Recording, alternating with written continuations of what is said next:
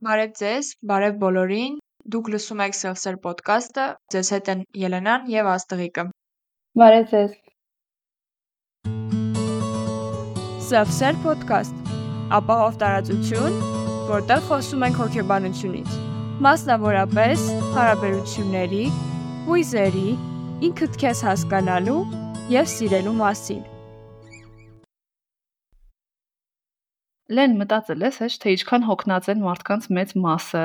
կամ հնարավոր է անգամ բոլորը։ Ինձ թվում է ժամանակը սկսել է շատ արագ ընթանալ ու ինֆորմացիայի առատությունը մեզ ստիպում է լարվել, միաժամանակ հակառակ բաներ ուզել, դրանց ձգտել ու արդյունքում մնում է այն, ինչ մնում է, Մենք շատ հոգնում, շատ սպառվում ենք էներգիա ծախսելու Հա, իսկ օրինակ դու երբեմն մտածել ես, թե ինչի համար է ստեղծվել հոգնածությունը ու ո՞նց է մեզ օգնում հոգնածությունը կյանքում։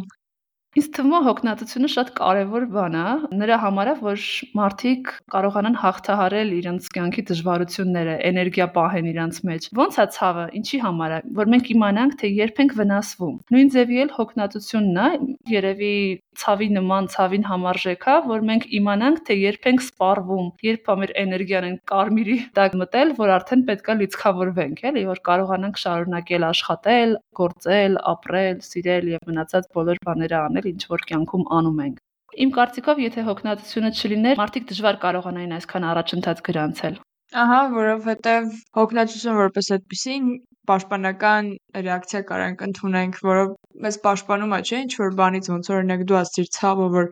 մենք տենց մեզ միջև վերջ չկարողանանք սպառել, կարելի ասել, որովհետև հոգնածությունը գալիս է այն ժամանակ, երբ որ արդեն ոնց որ դու ասեցիր, կարմիր գծեր ենք հատում ու այդ շատ վտանգավոր է դառնում մեր կյանքի համար ու հոգնածությունը շատ տարբեր է, հոգնածությունը շատ տարբեր կերպ է դրսևորվում մեր կյանքում ու հաստատ ամեն մեկի մոտ հոգնածությունը նույն կերպ չի ու նույն կրիտերիաներ չունի չափելու միավորներ չունի, ես անգամ կասեի։ Շատ նման է ցավին։ Ցավն էլ որևէ մեկը չի ասում ես քեզ հավասար ցավ եմ զգում, որովհետև շատ անհատական է յուրաքանչյուրի ցավի մակարդակը։ Սովորաբար սուբյեկտիվ ենք գնահատում թե ցավը, թե հույզերից որոշները, թե նաև հոգնածությունը, ասենք պայմանական կարաս ասես 1-ից 10 բալանոց համակարգով ինչքան ես զգում էդի, երբ ասենք 0-ն ու 10-ը մաքսիմալներն ու մինիմալներն են, էլի քո համար ու այս աշխարհում մանավանդ որ սենց արագ ամեն ինչ շարժվում, մենք ընդհանրապես չենք հասնում ոչ մի բանի հասնենք ու շատ տարբեր նպատակներ ենք դնում մեր առջև, հաճախ չենք կարողանում հասնել, որովհետև մեր ռեսուրսները իհարկե չափ ունեն։ Այս դեպքում մեր համար շատ դժվար է լինում կարողանալ համապատասխանել այս կյանքի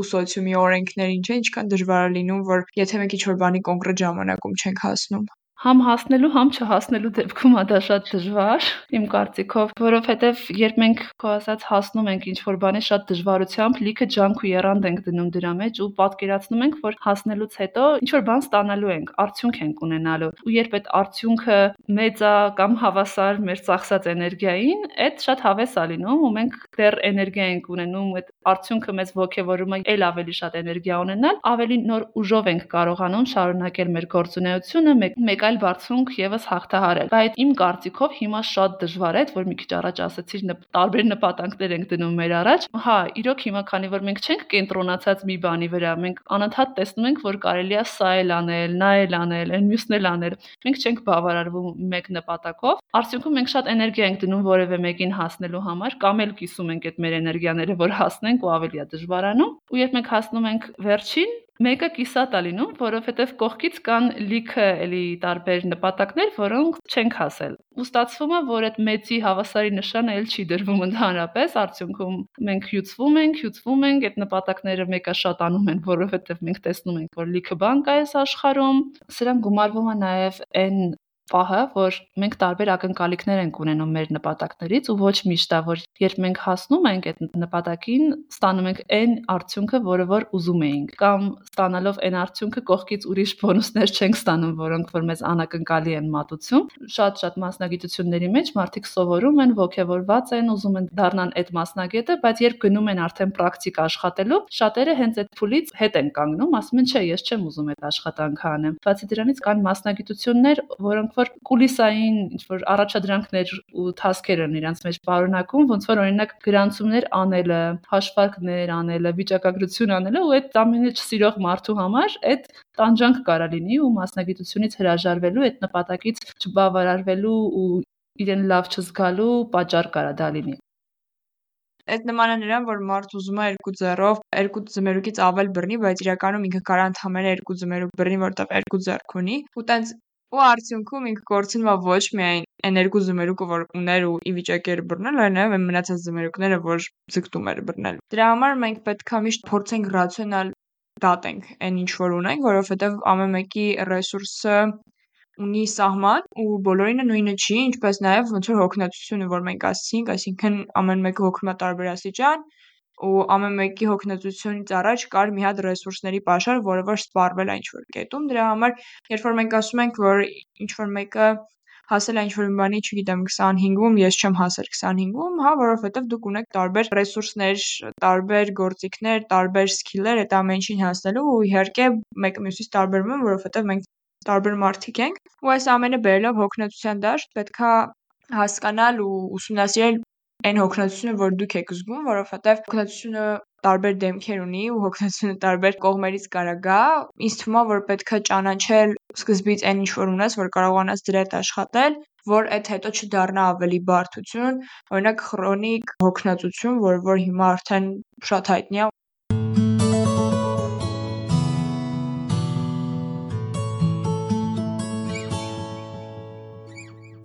Է քանի որ հոգնածությունը տարբեր տեսակներ ունի, ինչպես արդեն ասացի, մենք երևի սկսենք այդ տեսակներով բացատրել ու երևի ինքներս էլ փորձել հասկանալ, թե ինչ տարատեսակներ ունի հոգնածությունը բայց նաև կարելի է ասել, որ դրանք միաժամանակ կարան մի քանի տեսակ միասին լինեն։ Օրինակ ամենատարածված հոգնածության տեսակը այդ աշխատանքային կամ մասնագիտական հոգնածությունը, որը որ տանում այսինքն մասնագիտական այրման, burnout, ինչպես որ հիմա հայտնի է աշխարհում, այդ նույնպես սինդրոմ էր ու նույնպես հիմա օգտագործում ու շրջանառվում է շատ հոգեբանների ու մարդկանց մոտ։ Դրա համար պետք է ինձ թվում է ճանաչել ոչ միայն դրա նշանները, այլև հասկանալ, թե ոնց փորձել դա հաղթահարել։ Այս բան բռնաութը երևի շատ արդիական հարց է շատ-շատ մարդկանց համար, շատերը ուսումնասիրում են անգամ հոգեբանությունից դուրս, որովհետև դրա պատճառով բիզնեսները մարդկանց առաջ չեն գնում, իսկ եթե մարդիկ գումար են կորցնում, լավ պատկերացնում եք, որ այդտեղ ուսումնասիրությունները ավելի շատ են լինում ու ու այդ երևույթը շատ վաղուց են սկսել նկարագրել, բայց ինչքան գիտեմ, մի քանի տարի առաջ է որպես սինդրոմ դասակարգվել համաշխարհային կառույցների կողմից։ Այստեղ բանալին այն է, որ ինքը հենց աշխատանքի հետ է կապված, դուք քիչ առաջ նշեցիր, քրոնիկ ստրես է աշխատանքի վայրում, որը չի հաջողվում հաղթահարել։ Բայց այստեղ կարևոր է հիշել, որ այն կլինիկական վիճակ չի, իրենով բայց կլինիկական վիճակ չլինելով կարող է դրթել այնպիսի վիճակների, որոնք որ արդեն կլինիկական լինեն, հա, դրա համար պետք է իրեն շատ ուշադրություն դարձնել ու պետք եղած ժամանակ անպայման մասնագետների դիմել ու հիմնական նշանները կարանք ասենք հյուծվածություն, հուզական տեսանկյունից, մտավոր տեսանկյունից առանձնացված են իրենց աշխատանքից ու հետաքրքրության կորուստ այդ ամենա հիմնական 3 նշաններն են, որոնք որ մենք ունենք burnout-ի բայց ավելի པարզ նշաններ կան, որոնցով որ մարդիկ կարող են ճանաչել իրենց մոտ երևույթը։ Շատ հայտնի նշաններից կարող է լինել օրինակ, որ մարդիկ դառնում են ավելի քիչ կոմունիկատիվ ու կարող են դառնալ ավելի բռնկուն ու ընտանիքի անդամների հետ չկարողանալ շփվել, չգնալ կոնտակտի կամ ցանկացած փոքր բանից միանգամից կոնֆլիկտ ու վեճ առաջանա։ Մյուսը, որ կարող է հանդիպել, դա իհարկե self-care-ի կամ ինքնախնամքի բացակայությունն է, երբ որ դու ի վիճակի չես կամ չես ցանկանում ընդհանրապես դրան ուշադրություն չես դարձնում քո մասի խնամելու մեջ կարող մտնի առողջ սնվելը, ֆիզիկական ակտիվությունը, ինչ որ բաներ, որ քեզ հաճույք է պատճառում ու քեզ համար կարևոր է, այսինքն այդտեղ կարող է մոռացվի նաև հոբին։ Իհարկե այս ամեն ինչ հետ մեկտեղ նաև մարդիկ կարող են ուղակի պրոկրաստինացիա անել անգամ փոքրիկ գործերում, որոնք ուղակի պահանջում են իրենց 2 րոպե կամ առհասարակ ամենապրիմիտիվ բանը, որ հետո կարա հասնի, ուղակի ատամները լվանելը կամ լվացվելը մարդու համար դառնա շատ դժվար։ Այստեղ Նաև առհասարակ այս ամեն հետ ֆոնային իհարկե մենք կարող ենք տեսնել ֆիզիկական ու հոգեկան հյուծվածությունը, երբ որ առհասարակ ոչ մի ուժ չունես ու իհարկե սրանից էլ հետևելով կարան լինեն հենց մնացած նշանները, որ նշեցի ու ինչ անել սրա հետ, այս մի քիչ ավելի լայն հարց է, որովհետև տարբեր են մարդիկ ու կարող է մարդ լինի, որը սիմպտոմներից մեկ ունենա, բայց մարդ կարող լինի, որ այս ամբողջը միասին լինի իր մոտ։ Հաղթահարման համար ինձ թվում է առաջին հերթին կարևոր է հասկանալը, որ սա միայն այդ աշխատակցի, միայն այդ մարդու խնդիրը չէ ու մենակ իր պատճառով չի, որ ինքը բռնաութի մեջ է։ Այստեղ մենք հասարակության մեջ կարանք շատ հաճախ ունենանք այս մենք հասարակության մեջ կարանք շատ հաճախ ունենանք այն արտահայտությունը, որ ասում են լելա, այդ թույլ մարդ էր, դրա համար սենց եղավ, չի կարողանում կամ ճնշման տակ չի կարողանում այդ մարդը աշխատել եւ այլն։ Այստեղ ոչ թե դա է կարևոր ֆիքսել, այլ այն, որ կան մի շարք այլ գործոններ, որոնք որ ազդում են մարդու աշխատանքային հոգնածության վրա։ Այդ կլինի աշխատանքի ծավալը, տրված ժամանակը, դեդլայնների խելամտությունը, վերահսկողությունը, թե ոնց են հա վերահսկում մենեջերները, ինչ միջավայր է աշխատանքի վայրում, պարգևատրումներ լինում են, թե չեն լինում, գովաբանում են, չեն գովաբանում, չգիտեմ, ինչ արժեքներ կարան լինեն աշխատանքի վայրում ու երևի ամենակարևորներից է արդարության սկզբունքը, թե ոնց են մարդիկ առաջ գնում մասնագիտական այդ աստիճաններով։ Կարծում եմ բոլոր բոլոր գործոնները ազդում են նրա վրա, որpիսի մարդը բռնաութի հասնի կամ գոնե մոտենա կամ չհասնի։ Ու այստեղ մի հատ կարևոր ու հետաքրքիր պահ կա, որ ոչ թե այն գլուխպահող շակերտների մեջ, հա, ասեմ, աշխատակիցներն են բռնաութի մատնվում, այլ ավելի շատ ու որպես կանոն բռնաութ ունենում են այն մարդիկ, ովքեր որ շատ ջանասիրաբար աշխատում են ու շատ են օրինակելի աշխատակից են լինում հիմնականում։ Այ իրանք են, որ հետագայում սպառվում են։ Ինչ կարա անի աշխատակիցը։ Աշխատակիցը կարա ինչ որ բաներ անի, հա, բնականաբար մենք այն հասարակությունում չենք ապրում, որ կարա վերցնի տարվա կեսը արցակուրտում գնա կամ որոշի որ փոխում է գործը ու փոխի, չէ, այդ շատ հեշտ չի անելը ու մենք բնականաբար այդպիսի բաներ խորհուրդ չենք տալու, բայց կարող է օրինակ հաճախակի փոքրիկ դաթարներ վերցնել Սա օգնում է անընդհատ թարմ վիճակում լինելու։ Փորձի մաքսիմալ առողջ սնվել։ Ես չեմ ասում գնա մենակ բանջարեղեն կամ ինչ-որ բան ուտի, բայց քաղցրից էլ ինչ-որ չափով հեռու լինի, հա, որովհետև քաղցրը դրանք ածխաջրեր են, որոնք որ արագ մեզ էներգիա են տալիս, բայց արագ էլ սպառվում են ու մարդ միանգամից հյուծվում է։ Փորձի իր տարածքը, որտեղ որ աշխատում է, մաքսիմալ իրեն հարմարավետ դարձնել կամ հաճելի դարձնել, օրինակ, չգիտեմ, սիրելի կամ բալիկի նկարը դնելով ամեն մարդու համար տարբեր է լինում։ Նաև կարելի է փոքրիկ դադար վերցնել ու այդ ընթացքում շնչառական ինչ-որ վարժություն վերցնել կամ կենտրոնանալ հենց շնչառության վրա ու փորձել այդպես ավելի վերադառնալ ոնց որ ավելի այստեղ եւ հիմա զգալ ու դուրս գալ այդ աշխատանքային եռուզեռից ինչ որ կեր, որովհետեւ անդադ դրա մեջ լինելով մենք իհարկե հոգնում ենք ու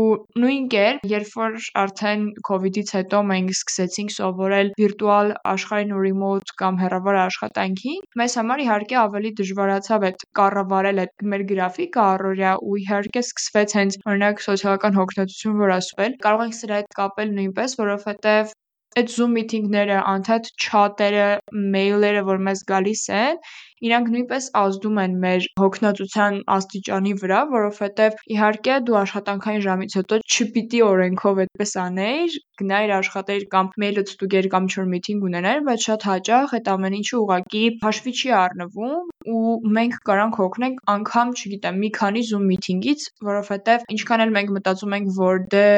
on-line-ա չեմ գնում, չեմ հասնում, բայց իհարկե այդ մեզից էներգիա է տանում ու այստեղ կարևոր է նաև ուշադրություն դարձնել մեր չաթերի նամբարներին, հենց զանգերին ու մեյլերին, որովհետև ինձ թվում է այստեղ ճիշտ կլինի կոնկրետ ինչ-որ ժամ որոշել, որ եթե դուք հեռավար եք աշխատում, կոնկրետ ինչ-որ գրաֆիկ չունեք, ֆրիլանս եք, այդ դեպքում ձեզ համար ինչ-որ գրաֆիկ որոշեք, որը որ ձեզ կօգնի ինչ-որ չափով կտրվել այդ աշխատանքից, որովհետև անդադ ինքը տենց ռեսուրս է տանելու ձեզնից ու դուք չզգաք դրա մասին, ու դուք չզգաք այդ Իմ կարծիքով այդ սոցիալական կամ վիրտուալ շփման հոգնածությունը հիմնականում երկու հետաքրքիր կողմեր ունի, բացի քո նշածներից, որ նախ ինչն է նպաստում, հա, դրան առաջին հերթին, որ մենք պետքա հետևենք բազմաթիվ չաթերի։ Երբ որ մենք ուղակի շփվում ենք մարդկանց հետ, հա, դեմ առ դեմ, մենք ուղակի կամ իրանց տեսնում ենք կամ չենք տեսնում, շփվում ենք կամ չենք շփվում։ Իսկ այս պարագայում ես պետքա ստուգեմ մի քանի հատ մեյլ, մի քանի հատ չաթ, հա, տարբեր հարթակներում տարբեր չաթեր կան, տարբեր մարդկանց հետ շփումներ կան, ու այդ ամեն ինչը բնականաբար նպաստում է, որ էներգիան շուտ սպառվի։ Ու պլյուս մոռանում ես ինչ որ բաներ կարևոր են լինում, կարևոր չեն լինում, այդ ամեն ինչը հոգեկան էներգիա է տանում։ Ու երկրորդ կարևոր բանը, որ կարծում եմ վիրտուալ շփմանը շատ հատուկ է։ Երբ մենք դեմարդեմ ենք շփվում կոնկրետ մարդու կամ մարդկանց հետ, մենք տեսնում ենք, թե իրանք միանգամից ինչ ռեակցիա են տալիս, մարմնի դիրքը, դեմքի արտահայտությունը, այդ պահին ինչով է զբաղված, քեզ է լսում թե հեռախոսի մեջ այդ ամեն ամեն ինչը տրամադրում է, որpիսի մենք մեր ուղեղը ավելի կոնկրետ իմանա թե ինչ ազդակներ տա, այսինքն դու ինչպես արձագանքես։ Բայց երբ մենք այդ ամեն ինչը անում ենք on-line, օրինակ Zoom meeting ենք անում, 20 քանի հոգի միացել են ու բնականաբար կեսը էլ չեն երևում իմ էկրանին, այստեղ իմ ուղեղը մի քանի անգամ պետքա ավելի շատ չարչարվի, որ մտածի հələ մի վարքյան, այն մարդը ում դեմքը չեմ երևում, բա այն մյուս մարդը, ով որ փակել է իր նկարը, ես ինչ իմանամ, ինքը լսում է, չի լսում, իր համար ոնց է իմ խոսքը, ոնց չի եւ այլն, ու արդյունքում ես ավելի շատ էլի հոգնում եմ, քան չեմ հոգնում։ Իմ կարծիքով այս գործոնները կարևոր են այստեղ բարձրաձայնելը։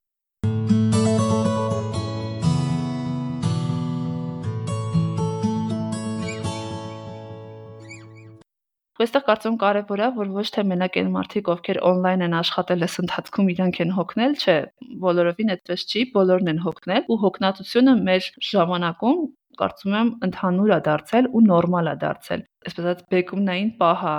այն վիճակը, երբ մենք հասկանում ենք, որ հոգնած լինելը նորմալ է։ Ես եմ հոգնած, դու ես հոգնած, 3-րդ, 4-րդ, 5-րդ մարդիկ բոլորը հոգնած են, ամեն մեկը իր չափով հոգնած, բայց այս պահին ամբողջ աշխարհում է այս վիճակը ու մեր երկրում հատկապես, երբ կա պատերազմ, ճգնաժամ, ինչ որ աղետներ, քաղաքական հարցեր, այդ ամեն ինչը ամեն ամեն ինչ ազդում է ու մենք մեր սովորական կյանքի, սովորական կենցաղն ու աշխատանքը եւս շատ ավելի բարթացնում ենք, քան կարող էինք։ Ու այս ամեն ինչը բերում է այսպես կոլեկտիվ հյուծման, կոլեկտիվ հոգնածության ու կարծում եմ մենք սա ընդունելով որպես նորմալ, մենակ այդ տարբերակով մենք կկարողանանք սովորել սրա հետ ապրել, որովհետև երբ մենք մտածում ենք, որ այս անցնելու է, իսկ սա չի անցնում, մենք անընդհատ ֆրուստրացվելու ենք, հա, երբ ինչ որ բաներ անում ենք, որ անցնի ու չի անցնում այս վիճակը։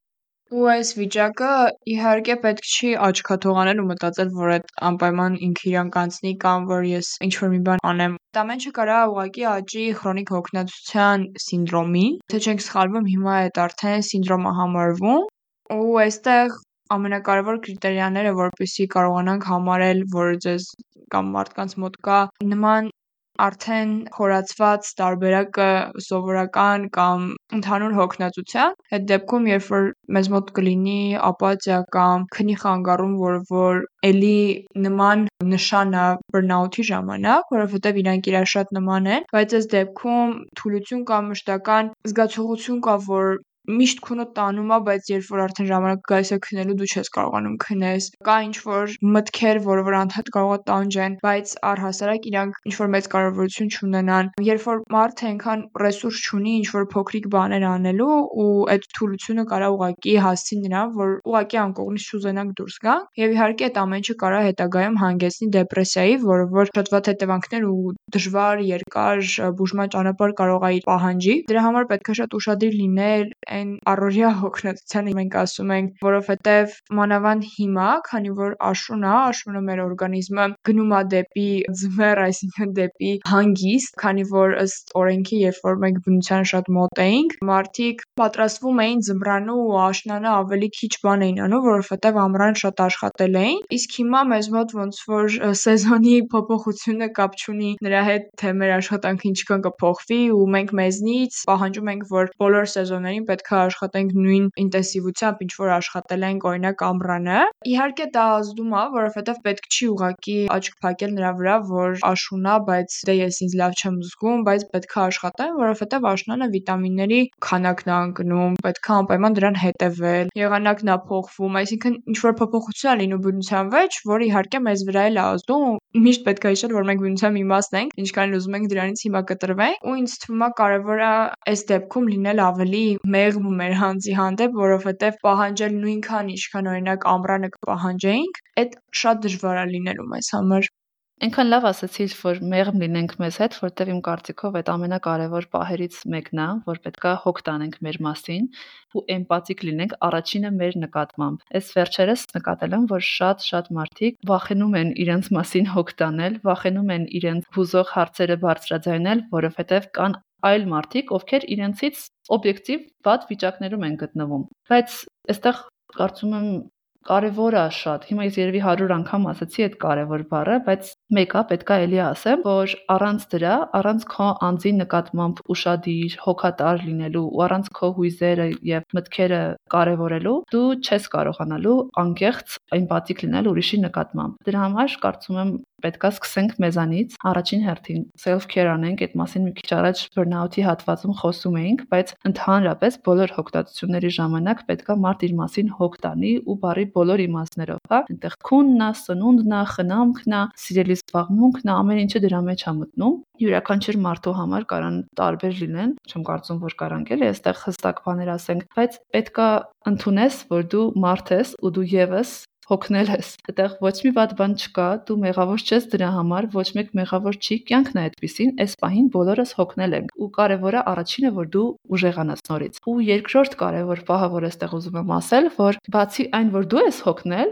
Մենակ դրանից հետո դու կարաս ընդունես նաև որ դիմացինն է հոգնել։ Այստեղ կուզեմ մի հատ կենցաղային օրինակ բերեմ։ Ամուսինը աշխատանքից հոգնած գալիս է տուն, մտածում է՝ «Վայ, հեսա կհասնեմ տուն ու կհանգստանամ»։ Այդ ընթացքում կինն էլ տանն է երեխեքի հետ, տան գործերով, ինչ որ ուրիշ գործերով խառը գժանոցի մեջ ու սպասում է, երբ ամուսինը գալու, որ մի քիչ նստի հանգստանա, ու ամուսինը հոգնած բնականաբար մտնում է տուն, ասում է՝ «Վայ, այնքան հոգնած եմ»։ Ու կինն էլ ասում է՝ «Ոնց, ես եմ հոգնած»։ Ես էլ եմ հոգնած։ Այն մյուս ասում է՝ «Չէ, ես եմ հոգնած» հոգնած են մյուսը չէ ես եմ հոգնած ու արդյունքում ստացվում է որ ոչ մեկ չի հասկանում մյուսին բայց երկուսն էլ հոգնած են ու երբ այդ երկուսից գոնե մեկը ասի հա դու շատ հոգնած ես ես տեսնում եմ կարող է հաջորդ օրն էլ այն մյուսը ասի վայ դու էլ ես շատ հոգնում ու մենակ այդ ժամանակ երբ մենք զգում ենք որ դիմացինն էլ է հոգնած ու դիմացինն էլ գնահատում է հա մեր աշխատանքը մեր հոգնածությունը այստեղ արդեն մենք շատ ավելի լավ ենք մեզ զգում անկամ մենակ այն բանով որ ես քեզ ասեմ դու հոգնած ես մի քիչ հանգստացի դու քեզ արդեն մի քիչ լավ ես զգում ու կարող է անգամ ինչ-որ պահի մոտիվացիա առաջանա այդ պահին գոնե մի բան ավել անելու, էլի կոլեկտիվ ինքնախնամքը միշտ կլինի ինձ համար top healing-ի ապակիման եւ self-care-ի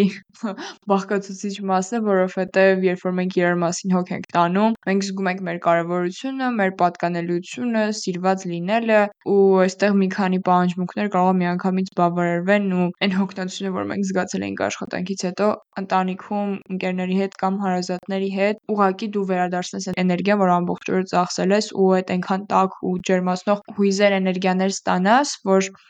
քեզ հերիքի նաև հաջորդ օրվա համար ինձ թվում է շատ դեպքերում մենք այդպես էլ անում ենք ու այդպես աշխատում ենք անել, բայց այդ հոգնածությունը կարա այնքան վատ էմոցիաներ տա մեզ, որ ուղղակի փակվի ու այդ վատ էմոցիան մեզնից դուրս չգալով մենք մեր հարազատների հետ չկարողանանք կոմունիկացվել այնպես, ինչպես միշտ կոմունիկացվել ենք։ Հա, ու կարծում եմ հենց դրա համար պետք է այս պահին շատ ավելի զգուշ լինենք, թե ինչ ենք մենք ասում, որովհետև հիմնականում այդ բառերը շատ նեղացնող, շատ վիրավորող ու շատ բաժանող կարան լինել։ Կարող է մանկապարտեզի բաներ հիմա ասեմ, բայց շատ լավ աշխատում է տանը, որ մենք վատ բառեր չենք ասում կամ վատ դեմքով լավ բառեր չենք ասում, որովհետև նույնն է, հա, մեծ հաշվով գալիս։ Կամ կարողանում ենք ասել կներես,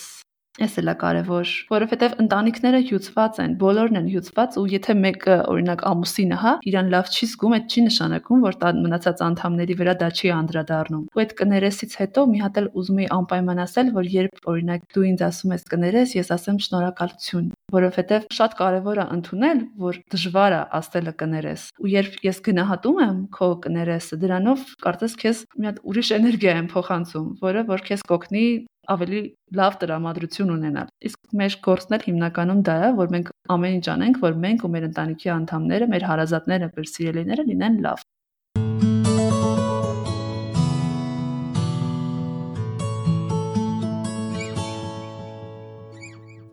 Այստեղ ինձ թվում է պետք է միշտ հիշել, որ մենք ընտանիք ենք կամ մենք ընկերներ ենք, մենք թիմ ենք, այլ ոչ թե հակառակորդներ, որ անընդհատ փորձենք ինչ-որ կերպ ապացուցել, չէ, ես ավելի հոգնած եմ, ես ավելի վատ վիճակում եմ։ Չէ, օքեյ, ընդունեք երկուսուդ էլ, որ վատ վիճակում եք ու փորձեք քննարկել, գիտեմ, որ շատ դժվար կարող լինի մանավանդ այս առօրյայի մեջ, երբ որ դուք քննարկելու հազար ավելի կարևոր բան կարող ունենաք, բայց այս առօրյայի մեջ, երբ որ դուք հազար ավելի բան կարող ունենաք քննարկելու, բայց կարևորը չէ, որ կարգավոր որոշեք ինչ որ հիմքն է այն այն ամեն ինչի ինչ որ դուք փորձում եք ստեղծել դրա համար ամեն անգամ ինչ որ վատ բան ասելուց կամ համեմատվելուց վատ առումներով թեկուզ երբեմն նաև լավ առումներով մտածեք թե դիմացինը այդ խոսքերից իրեն ոնց կզգա որովհետև շատ դեպքերում մեր մշակույթի մեջ սովոր չենք մենք արտահայտելու մեր հույզերը ու արտահայտելու որ ինձ ցավացրել են այդ խոսքդ ինձ վիրավորել է ու շատ դեպքերում այդ ամեն ինչ ներս է գնում ու ավելի է ազդում նրա վրա, թե մենք ինչքան հոգնած կարանք լինենք, որովհետև այն տրավմաները կամ այն վնասվածքները, որ կարանք ունենանք, ճակերտավոր ասած, իհարկե մեզից էներգիա են խլում ու իհարկե մեզ հոգնեցնում են։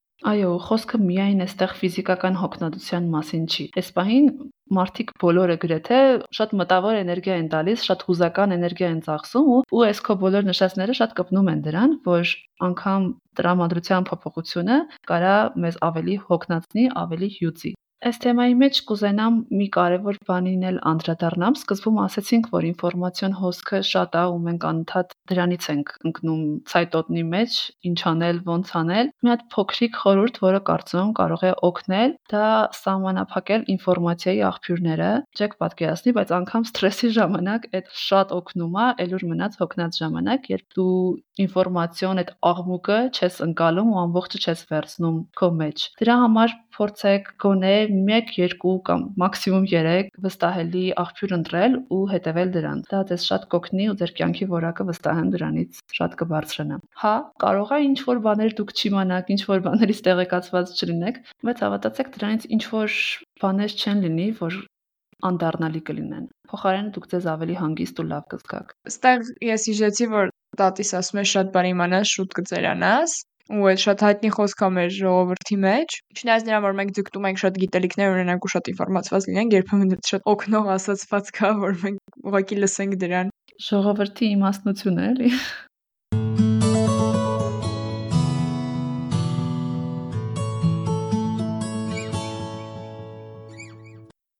Ամփոփելով մեր այսօրվա էպիզոդը, ես կասեմ